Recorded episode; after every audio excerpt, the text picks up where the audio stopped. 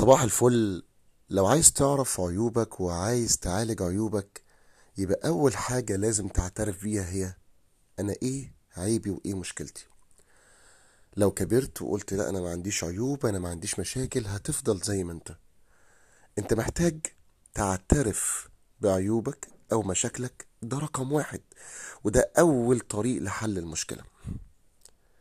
طيب أنا دلوقتي مش عارف عيوبي إيه أنا شايف إن أنا ما عنديش عيوب. جميل جدا. طب أعمل إيه؟ بكل بساطة يا صديقي ممكن حضرتك تجيب خمسة من أصدقائك المقربين خمسة من قرايبك الناس اللي بتحبهم تقول لهم لو سمحت كل واحد يكتب لي في ورقة عيوبي ومميزاتي. هيكتبوا لك عيوبك ومميزاتك بدون ذكر أسمائهم على الورقة عشان الإحراج ومنعا للإحراج ما بين الأصدقاء أو ما بين الأقارب مع إن أنت عايز تعرف. خلي بالك إن أنت عايز تعرف إيه مشاكلك.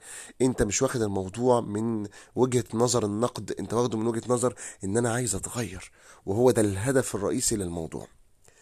أكيد هتلاقي صفات مشتركة عيوب مشتركة وكل واحد كاتبها أو هتلاقي مميزات مشتركة هم متفقين عليها. في طبعا هم مش قاعدين مع بعض متفقين عليها لا كل واحد كتب لوحده. بس في حاجات باينة وواضحة فيك إن ده عيب أو ميزة حتى لو أنت مش شايفها. وبعد ما تعرف إيه المشاكل اللي عندك تبدأ تشتغل عليها. طب أشتغل عليها إزاي؟ لو أنا مثلا اكتشفت إن أنا إنسان عصبي طيب هشتغل عليها إزاي؟ صديقي عقلك اللاواعي ما بيفهمش الحقيقة من الخيال. يعني انت لو اخترعت له تجربة التجربة دي مفرحة أو حزينة هو هيصدقها ويبني عليها. وبالتالي يا صديقي انت هتيجي آخر اليوم تشوف التجارب اللي انت مريت بيها في حياتك واتعصبت فيها جدا لو انت شخص عصبي.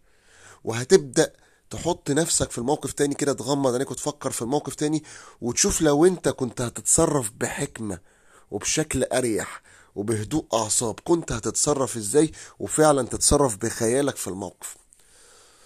طبعا الموضوع ده هتبدأ تكرره لفترة مثلا من أسبوع لعشر أيام إنك بتفكر في كل المواقف اللي أنت مريت بيها وتصرفت بعصبية وتبدأ تحط حل حكيم كأنك في نفس الشخص في نفس الموقف لكن بتتخيل إنك بتتصرف بحكمة. وبعد عشر أيام أو أسبوعين هتلاقي نفسك فعلا على أرض الواقع بدأت بتتصرف بحكمة أكبر. مش هقولك إن العصبية هتختفي مية في المية ولكن هتحس بتحسن كبير جدا في شخصيتك. بس زي ما قلت لك أول حاجة لازم تدور عليها إن أنا أنا عايز أتغير. ده أول حاجة رغبتك في إن أنت عايز تتغير. بعد كده بتدور على عيوبك زي ما قلت لك. بعد كده بتبدأ تحط حل للمشاكل دي. وطبعا قبل كل ده أنت بتستعين بالله. استعنتك بالله ودعائك إن ربنا يغيرك للأفضل.